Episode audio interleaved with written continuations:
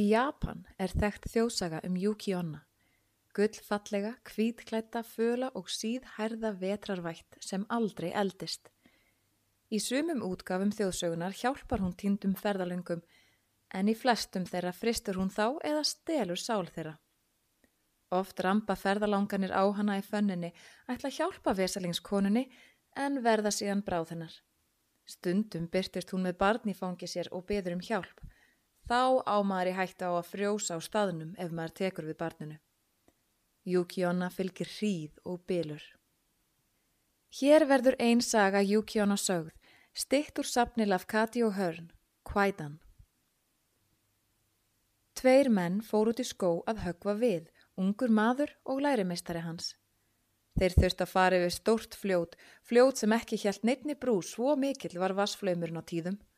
Í lókdags brast á snjóstormur mikill og þar sem ferjan var hinum megin við fljótið ákvaðu mennir að leita skjóls í agnarsmáum kofa við árbakkan.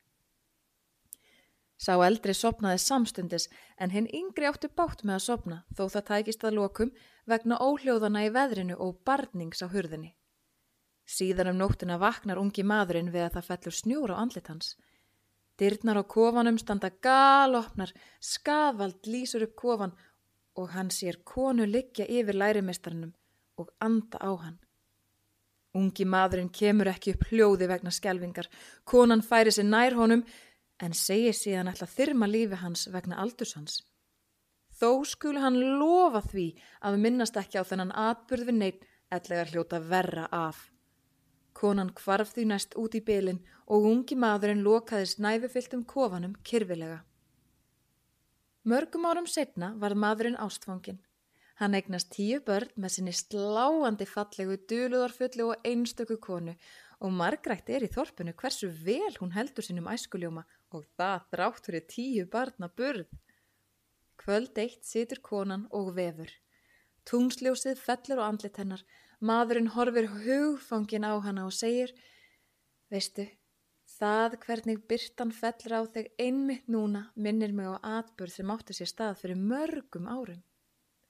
Hann segir henni söguna og konan verður öskureið afhjúpar sitt sanna eðli og segir að það ekki væri fyrir börnin myndi hún drepa hann eins og hún hafi varað hann við.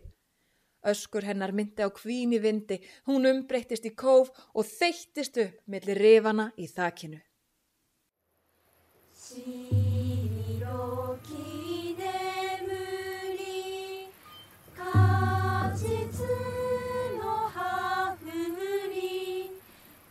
光の鉢振り返る。いやます風吹き返る。